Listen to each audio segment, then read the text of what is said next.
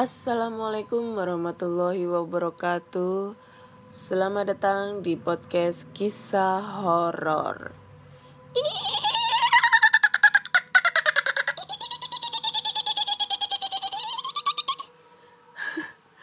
Aduh nggak kuat aku ketawanya Ya ampun Oke hari ini hari Kamis tanggal 25 Juni 2020 Jam 6 kurang ya Pagi Ya ini agak sedikit berbeda. Aku bikin uh, take episode terbaru itu pagi hari. Dikarenakan semalam itu sebenarnya mau take jam 12 lewat Tapi ketiduran. Mungkin efek obat ya. Karena beberapa hari ini kan aku nggak bisa update episode terbaru. Dikarenakan sakit kemarin itu masih batuk parah sama pilek flu ya terus kemarin udah periksa ke dokter cek darah ternyata diagnosa dokter aku ini tipes. Nah itu kan. Padahal aku nggak pernah punya riwayat tipes dan baru kali ini punya sakit tipes gitu deh. Nggak enak banget sumpah gak enak banget sakit itu. Aku pengen cepet-cepet sembuh. Jadi ini aku take-nya di pagi hari ya. Jadi mohon maaf kalau di luar kedengaran suara burung cici-cuit ada suara motor lewat dan lain-lain ya. Karena aku recordnya ini pagi hari nggak malam seperti biasanya oke? Okay? Kemarin udah banyak banget yang nge-DM aku. Ke anak kapan cerita horornya? Episode terbaru dibacakan. Kapan episode terbaru? Kapan nih episode terbaru Terus ada yang DM lagi Kak Ana ini ceritanya kapan dibacain Aku udah kirim email nih gitu kan Nah hari ini aku akan bacakan semuanya ceritanya Ya seperti biasa Aku akan membacakan cerita-cerita horor, email berhantu sudah dikirimkan teman-teman melalui podcast kisah horor gmail.com ataupun di di DM Instagram, eh, belibet kan? Di DM Instagram podcast kisah horor dan DM Instagram Ana Olive. Dan ini udah ada tiga cerita yang udah aku pilih dan kali ini cerita pertama langsung aja kita bacakan ceritanya. Cerita pertama datang dari email yaitu datang dari Mas Andi ya kalau kalian tahu kalau kalian ingat ceritanya Mas Andi di episode-episode sebelumnya Mas Andi menceritakan tentang pengalamannya diganggu makhluk halus yang diganggunya itu di rumah neneknya gitu ya. Sebelumnya dia udah uh, ngasih tiga cerita dan tiga ceritanya itu diganggu di rumah neneknya. Dan kali ini ceritanya sedikit agak beda. Dia dia diganggu makhluk halus kali ini di rumahnya sendiri. Langsung aja kita bacakan ceritanya. Dear Mbak Ana kita lanjut lagi cerita berikutnya ya masih sebagai Andi maju lagi tiga tahun semenjak cerita terakhir Iya mbak, Eh, saya sudah menginjak bangku SMA kelas 1. Kejadian kali ini saya alami di rumah saya di Bandung. Rumah nenek sudah dijual setahun sebelum ini. Dan nenek juga sudah tinggal di Bandung bersama kami sekarang. Biar kebayang saya gambarkan layout rumah saya.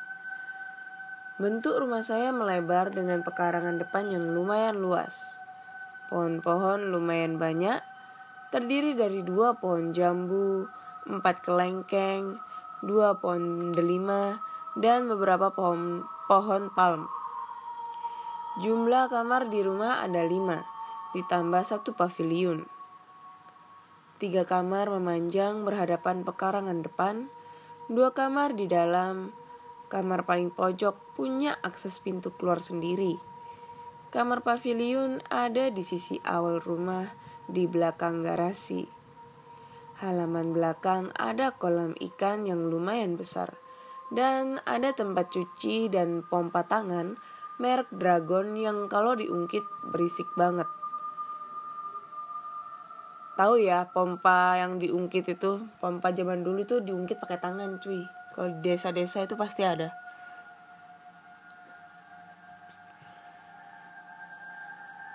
Maaf, saya eh Belum sih. Pekarangan belakang berhadapan dengan dapur dan berbatasan dengan kebun luas milik tetangga di belakang rumah, dibatasi oleh benteng yang tinggi. Maaf, saya ceritakan layout rumahku bukan maksud bikin panjang. Tapi supaya di cerita-cerita berikutnya sudah ada gambaran-gambaran posisi di rumah saya. Saat itu kamar saya adalah kamar paling pojok yang punya pintu akses keluar sendiri. Perlu diketahui juga, rumahku memang sudah dikenal cukup angker di komplek itu. Mungkin bisa kebayang, komplek perwira polisi di tahun-tahun segitu. Banyak rumahnya semi-semi Belanda. Dengan jendela-jendela yang yang besar menghadap keluar di tiap-tiap kamar. Balik ke cerita. Singkatnya, Malam itu seperti biasa. Saya santai di kamar sambil main gitar sedikit-sedikit. Saat itu sekitar jam 12 malam. Seisi rumahku kebanyakan sudah tidur.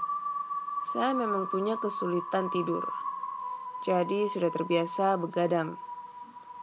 Tambahan, memang saya sering banget diganggu oleh suara-suara ketukan pintu dan suara tangis kalau saya coba untuk tidur cepat waktu itu.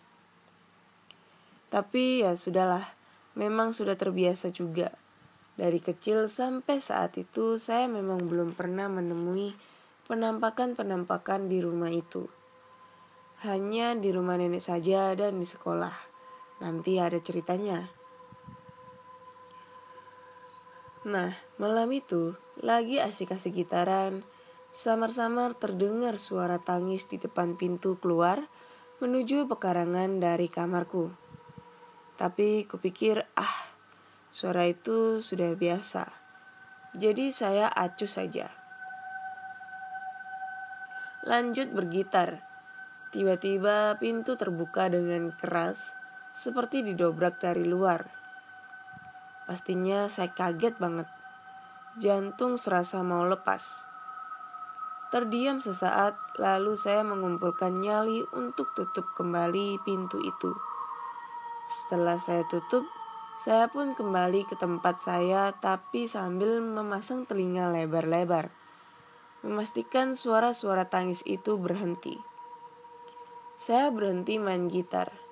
Nggak lama setelah itu, pintu kembali terbuka dengan terdengar lagi, eh, Pintu terbuka dengan keras, mohon maaf ya. Sumpah mbak, aku kaget sekaget-kagetnya. Kebayang dong, lagi hening dan konsentrasi mendengarkan, tiba-tiba pintu pintu dibanting. Kaget banget. Tangisan mulai terdengar lagi. Samar-samar di sudut pekarangan, dekat pintu kamar saya, saya lihat ada sosok berbaju merah jongkok membelakangi kamar. Jadi saya nggak bisa lihat jelas bentuknya seperti apa. Saya hanya lihat bajunya saja dan rambutnya yang nggak terlalu panjang. Seingatku rambutnya nggak acak-acakan deh. Malah terbilang, terbilang rapi lurus. Saya cuma bisa baca ayat kursi terus menerus sambil gemetar takut. Berkali-kali saya baca ayat kursi. Tangisan sosok itu malah makin kencang. Saya terus baca eh saya terus baca ayat kursi sambil tetap terpaku di tempat saya. Rasanya susah sekali melangkah kaki buat lari. Sampai akhirnya sosok itu berdiri lalu melayang perlahan-lahan sampai akhirnya menghilang ke balik atap. Baru setelah itu saya bisa melangkah berlari kecil ke ruang tengah. Alhasil malam itu saya nggak tutup pintu keluar dari kamar saya dan saya tidur di ruang tengah. Keesokan harinya saya cerita sama ibu dan bapak. Mereka menanggapi cuma senyum dan kemudian bilang, Makanya, kalau malam masih bangun tuh, bukannya berisi sekitaran. Sholat tahajud harusnya biar dijauhkan dari hal-hal begitu. Segitu dulu ya Mbak Ana. Terima kasih banyak. Nanti kita sambung lagi. Oke, terima kasih Mas Andi buat ceritanya. Ya ini ya, Mas Andi dari kemarin udah ngirim nomor ya buat di WA. Belum aku WA, aku lupa. Ya nanti pasti aku WA Mas ini nomornya. Kalau aku ke Bandung boleh lah mampir-mampir kita ngopi-ngopi bareng. Nunggu pandemik ini berakhir ya. Eh, uh, oke okay, cerita dari Mas Andi udah segini aja ya. Menurut kalian serem apa enggak? Kalau aku sih belum ya, belum begitu greget ya Mas Andi ya. Cuma yang paling serem itu emang ceritanya Mas Andi waktu di rumahnya nenek. Itu bisa kebayang banget horornya kayak gimana, seremnya kayak gimana itu bisa kebayang banget. Apalagi yang cerita Mas Andi yang pertama yang waktu main di pekarangan di pengarangan rumah nenek terus disamperin kuntilanak itu. Anjir itu sumpah serem. Nggak bisa ngebayangin itu ntar kalau misalnya itu kejadian terjadi sama aku gitu deh. Oke udah ini cerita yang pertama sudah selesai terima kasih ya mas Andi buat ceritanya kita lanjut aja ke cerita kedua nah lo laptopku error Oke, cerita kedua datang dari Anggazan. Anggazan dan ternyata dia itu adalah junior adik kelas di kampusku ya, tapi beda fakultas. Dia kedokteran coy, saya pelayaran. Dan gedung kedokteran udah pindah nggak di satu kampus sama aku ya. Jadi langsung aja kita bacakan ceritanya. Judulnya Mbak Kunti Penunggu Rumah Sakit Jiwa. Hai Kak Ana, halo juga. Sebelumnya salam kenal dan terima kasih kalau sudah dibacakan kisahku. Kenalin aku Zan, asli Surabaya. Di sini aku mau berbagi salah satu pengalaman yang cukup creepy selama jadi dokter muda. Jadi beritanya, eh beritanya, jadi ceritanya waktu aku lagi koas tes psikiatri atau ilmu kedokteran jiwa di rumah sakit jiwa yang ada di Lawang, Malang. Nah, setauku memang di si rumah sakit jiwa ini merupakan rumah sakit jiwa tertua di Indonesia dan bangunannya sebagian besar masih bangunan Belanda. Bisa dibayangin ya, rumah sakit jiwa ini luas banget dari bangsal satu ke bangsal yang lain juga lumayan berjauhan. Jadi semacam kampung orang sakit mental gitu sih kak. Dan memang pasiennya kalau siang bebas berkeliaran di dalam wilayah dalam rumah sakit ini. Balik ke cerita ya kak. Aku inget banget ini aku ke bagian stage psikiatri di rumah sakit jiwa ini waktu akhir tahun 2017. Dari Surabaya kami bertuju berangkat nih pakai mobil. Sampai depan rumah sakit jiwa itu sekitar jam 2 siang mungkin. Setelah itu, kami laporan ke bagian pendidikan di rumah sakit itu dan kebagian penginapan yang terpisah dari anak-anak kedokteran dari universitas yang lain. Jadi kira-kira kalau anak kedokteran yang lain pada ngumpul di satu gedung di sisi selatan, nah kita bertuju ada di sisi barat rumah sakit itu. Setelah semua urusan selesai, kami bertuju langsung diantar ke tempat kami menginap di rumah sakit jiwa itu sama seorang karyawan. Setelah sampai depan gerbang penginapan itu, kami dikasih wejangan sama bapak itu. Hati-hati ya mas, mbak. Kalau tidak ada keperluan, jangan di luar sendirian malam-malam. Ya, spontan kami jadi deg-degan juga dong. Lebih-lebih lagi lihat bangunan penginapannya yang tua itu. Setelah itu kami turunan, eh turunan. Setelah itu kami turunin segala barang-barang kami. Dan gak lama setelah itu, ada ibu-ibu ya sekitar 40 tahunan mungkin yang memang dia dia biasa bersih-bersih penginapan itu. Terus ditanyain juga sama ibu itu. Loh, dok, kok tumben ada yang mau nginep di sini? Biasanya kalau dokter-dokter itu nginepnya ngumpul di sisi selatan. Terus kami juga kami yang dengar juga makin penasaran juga dong. Tapi ya mau gimana lagi, sudah penuh Bu tempatnya. Akhirnya kebagian di sini deh. Memang kenapa Bu dengan tempat ini? Jorok ya. Terus si ibu itu jawab, Oh nggak apa-apa dok kok. Eh eh oh gak apa-apa kok dok. Dok kok? Wean. Kalau jorok sih enggak cuman kan bangunannya bangunan lama. Sementara yang di selatan bangunan baru. Dan di samping penginapan ini itu rumah dinas direktur rumah sakit ini. Tapi beliaunya nggak pernah tidur sini. Kalau malam pasti dia pulang jadi kalau di sini jarang ada orang lewat dok kalau bukan pasien-pasien jiwa yang biasa seliweran. Yang penting jangan melakukan hal-hal yang aneh ya dok. Dan kalau malam jangan keluar-keluar, mending di dalam aja. Oke, hari pertama, kedua, semua berjalan baik-baik saja. Oh ya kak, jadi gangguan ini kebetulan yang mengalami kami bertiga dari ketujuh orang anggota kelompok dokter muda kami. Dan kami baru share cerita ini setelah kami selesai tugas sebagai di, sebagai dokter di sini dan balik ke Surabaya. Kisah pertama dari salah satu teman cewekku. Ceritanya, jadi saat itu temanku lagi pengen buang air kecil nih. Dan minta tolong temen cewek yang lain buat nganterin. Oh ya, lupa jadi setting tempatnya. Model rumahnya bentuk T. Bagian depan itu buat pejabat rumah sakit jiwanya.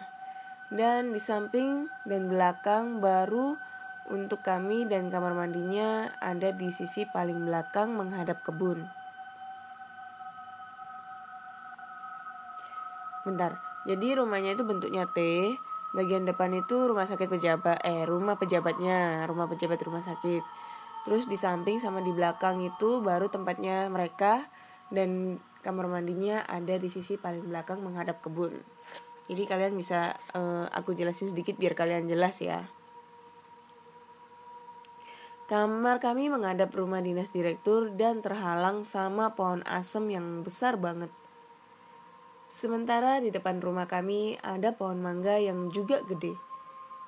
Intinya, sekitar rumah ini rindang dan banyak pohon-pohon gede. Lanjut. Nah, si teman cewekku panggil aja M. Ini nungguin si O.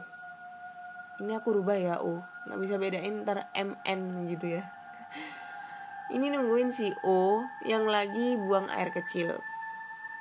Gak lama setelah itu si M ini gak sengaja lihat rumah dinas direktur yang kosong dan gelap itu. Tiba-tiba dia ngeliat ada sosok perempuan rambut panjang, pakaian putih lusuh. Dan dia membawa boneka bayi gitu sih kak. Sosok itu dia lihat dari balik jendela rumah dinas itu. Dan hanya berdiri saling menatap si M. Lalu si M teriak ketakutan dan buru-buru balik ke kamar dan meninggalkan si M. Eh, si O. Untungnya hari itu tidak ada apa-apa. Kejadian kedua yang aku alami sendiri. Sama sih, ketika aku malam-malam juga kebelet buang air kecil tuh. Setelah buang air kecil, habis jemur handuk, kok di balik handuk itu aku juga ngeliat sosok yang sama persis tapi posisinya jongkok di tengah kebun sambil mainin bonekanya itu. Aku pikir itu salah satu pasien dong. Bukan takut karena apa, Tapi aku takutnya si pasien itu tiba-tiba lari ke arahku dan untung aja nggak ada kejadian. nah, di kejadian terakhir, ceritanya malam terakhir kami di rumah sakit jiwa itu. Dan niatnya kami bertuju mau begadang dan mau nonton bareng gitu. Kebetulan temanku sudah siapin film tentang orang gangguan jiwa juga sih. Gak horror, tapi lumayan creepy. Sekitar jam satu pagi kayaknya kami bertuju asik nonton dan makan sate di depan teras penginapan kami. Tiba-tiba kami dengar suara benda jatuh dari atas dari atas genteng rumah ini. Kaget dong kami. Apa itu yang jatuh? Nah, salah satu temen cowokku, si D, ini ngecek apa itu yang jatuh. Eh, ternyata buah mangga. Terus belum balik ke teras masih di bawah pohon mangga si B eh si B si D malah bercanda. Erek mangga jatuh tapi kurang ya kalau cuma satu. Ayo ambil lagi ta. Gak lama ada lagi jatuh mangga dari atas pohon yang tepat jatuh di depan si D. Langsung si D lihat ke atas ke arah pohon. Gak pakai mikir si D sambil bilang, Jancok. Oke, kotor ya. Dan lari ke kamar yang kak ya kami yang lain dan lari ke kamar. Yeah. Kami yang lain gak pakai pikir mikir dong, akhirnya ikut berhamburan lari ke kamar. Setelah sampai pulang eh setelah pulang sampai Surabaya, akhirnya terbukalah masing-masing dari cerita kami dan sosok yang aku M dan D lihat itu sama. Ya, sosok Mbak Kunti yang bawa boneka bayi itu sampai sekarang aku nggak ngerti apa emang itu sosok Kunti atau pasien atau apa aku masih belum bisa tahu dan masih jadi misteri buatku. Sekian sih ceritaku yang benar-benar gak bisa aku lupain semasa aku jadi dokter muda. Makasih kak, sukses selalu. God bless you all. Oh, tokek langsung coy. Coba kita hitung ya, suara tokek ada berapa? Satu, dua, tiga, empat, lima, enam, tujuh, delapan, sembilan. Sembilan cuy. Biasanya itu biasanya tuh kalau ada suara bunyi tokek sembil uh, bunyinya tuh ganjil. Itu katanya sih ya katanya itu ada sosok makhluk halus gitu deh. Aku nggak ngerti. Katanya sih kayak gitu. Ya percaya nggak percaya ya. Oke terima kasih mas angga buat ceritanya. Hmm lumayan serem ya ini ya. Yang jadi pertanyaan kuntilanak mbak boneka bayi. Itu beneran boneka bayi atau bayi beneran? Kan kita nggak tahu ya. Terus kuntilanak pakai bon bawa boneka bayi itu boneka dari dap dapat dari mana juga kita nggak tahu. Ya bisa kemungkinan itu bener-bener kuntilanak dan atau pasien gitu deh pasien yang lupa masuk kandang gitu kan. Lupa masuk kamarnya waktu malam hari. Terus berkeliaran gitu di mana-mana. Tapi katanya sih emang ya rumah sakit jiwa di daerah Lawang itu emang terbilang angker. Udah banyak banget cerita horor yang ada di sana. Tapi aku masih belum tahu ya lokasinya itu di sebelah mananya itu ya di Lawang yang masih aku jadi penasaran itu adalah aku pengen explore hotel yang ada di kota Malang yang di Lawang. Yang katanya itu angker katanya entah satu kamar entah satu lantai itu nggak boleh ada yang nempatin. Nah itu aku pengen banget nginep di sana dan explore di tempat itu. Ya semoga aja aku bisa ke sana setelah pandemik ini berakhir bisa ke sana. Terus sekalian pengen tahu uh, bentuknya rumah sakit jiwa Malang. Tapi coba sih kita cek aja sih ya di Google rumah rumah sakit jiwa Lawang. Nah ini ya? Nanti aku coba aku bentuk rumah sakitnya nanti aku posting di Instagram ya. Bentuknya mungkin kalian penasaran oh oh begini ya bentuknya. Ini kayaknya udah di udah ada yang diperbarui ya tempatnya. Iya sih emang bener ya. Oh ini ada yang versi paling lama cuy. Oh ya ya ya serem ini mah. Serem gila. Dan kamar-kamar pasiennya ini juga terbilang serem ya jadul banget pagernya. Bener deh. Kamarnya jadul banget. Nanti aku posting lah di Instagram ya bentuknya rumah sakit. Kayak gimana. Oke lanjut lagi kita ke cerita terakhir. Cerita terakhir datangnya dari email juga Dan kali ini datang dari Maria Sihotang. Judulnya Kisah Hororku. Hai Kak Ana Aku suka dengerin podcast kakak di Spotify Uh, terima kasih Aku mau cerita kak Kejadian yang aku alami sendiri Sebelumnya aku indigo kak. Dari umur 7 tahun, aku baru bisa bedain manusia dengan makhluk halus. Alias hantu itu ada. Oke, kita mulai aja ya kak. Kejadian ini terjadi ketika libur sekolah pas kelas pas aku kelas 2 SMP. Keluarga kami belum merencanakan liburan ke mana. Sudah seminggu libur, aku cuma di kamar dan gak ke mana-mana. Karena kebiasaanku yang tidak pernah keluar rumah, mamaku kesal dan menyuruhku agar besok pergi lari pagi biar ada pergerakan, kata mama. Malamnya aku pun menyetel alarm HP-ku pukul 5 waktu Indonesia Barat. 5 pagi ya. Kalau tidak salah aku bangun jam setengah 6 pagi. Hehehe.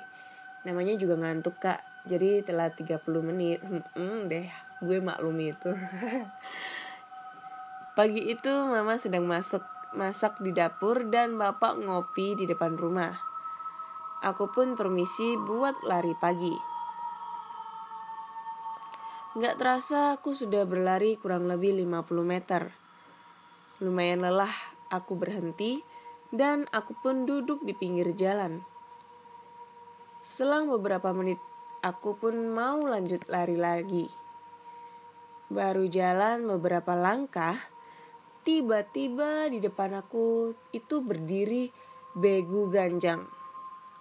Sekali, tiga berjejer. Aku kaget dan mengucapkan doa. Jantungku berdetak kencang, sangat kencang. Berkeringat, sesak nafas, Aku berusaha melawan untuk tidak melihat ke atas. Kalau tidak, mungkin aku tinggal nama saja.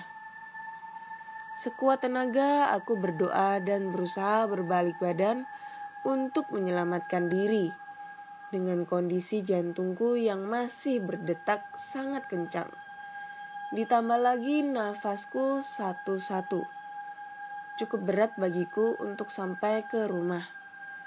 Sesampainya di rumah, aku langsung masuk ke kamar menangis dan shock, sangat shock sekali. Aku berusaha tenang dan berdoa. Beberapa hari setelah kejadian itu, aku baru mau cerita ke mama. Oke, ini cerita dari Mbak Maria ya. Lumayan serem ya, tapi aku belum tahu itu begu, ga, begu ganjang ya. Begu ganjang itu apa ya? Tapi ya pernah denger sih ya. Itu kalau nggak salah dari Sumatera atau dari timur gitu NTT aku nggak tahu. Coba kita cek ya. Nanti aku kasih tahu gambarnya di Instagram ya modelnya begu ganjang kayak gimana. Soalnya di Jawa itu setahu aku gak ada sih namanya begu ganjang. Paling banyak itu kuntilanak genderuwo. Oh iya ini guys. Bener dari Sumatera. Kalau di kalau dilihat dari namanya si Mbak Maria ini kayaknya orang Medan. Jadi kemungkinan Begu Ganjang itu oh ya kan bener kan dari Sumatera Utara dari Medan setannya tuh dari Medan ini coba kita aku baca sedikit ya tentang Begu Ganjang bentar uh -uh. Wih, kok error? Bentar. sorry ya kalau agak kejeda lama aku pengen tahu begu ganjang biar kalian tahu semua ya. Begu ganjang itu kayak apa sih gitu? Kan pasti banyak yang belum tahu. Nah ini dia begu ganjang. Begu ganjang itu dia berwujud manusia yang bisa seketika sangat tinggi. Dipercaya membawa segala segala apa ini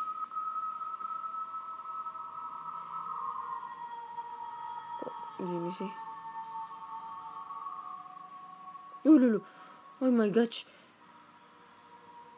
Baru ngeliat gak sengaja ngeliat gambarnya serem bro. Begu ganjang itu dia itu kerap dimanfaatkan untuk tujuan jahat dan atau pesugihan. Jadi kalau misalnya di Jawa itu di Jawa itu biasanya media untuk jahat itu biasanya itu kayak jahat ataupun buat pesugihan itu biasanya medianya pocong, gendruwo, kuntilanak kayak gitu-gitu ya. Tapi kalau di Medan kepercayaannya itu pakai begu ganjang dan ini kalau dilihat dari gambarnya ntar nih muter-muter laptopnya ya begu ganjang ini bentuknya itu tubuhnya itu kayak manusia ya. Tinggi tinggi banget tapi kurus. Nggak gede kalau gendruwo itu kan gede. Kalau ini tinggi kurus terus kelihatan tulang-tulang rusuknya gitu. Lidahnya panjang banget kayak kalian tahu leak gitu ya lidahnya panjang banget ini matanya keluar deh kayaknya. Matanya kayak keluar. Terus kalau yang wanita ini ndak pakai baju. Semuanya sih nggak pakai baju ya. Cuma kalau yang wanita ini mohon maaf payudaranya itu turun ke bawah. Terus sama perutnya itu kayak buncit gitu deh. Model kayak hamil gitu ya.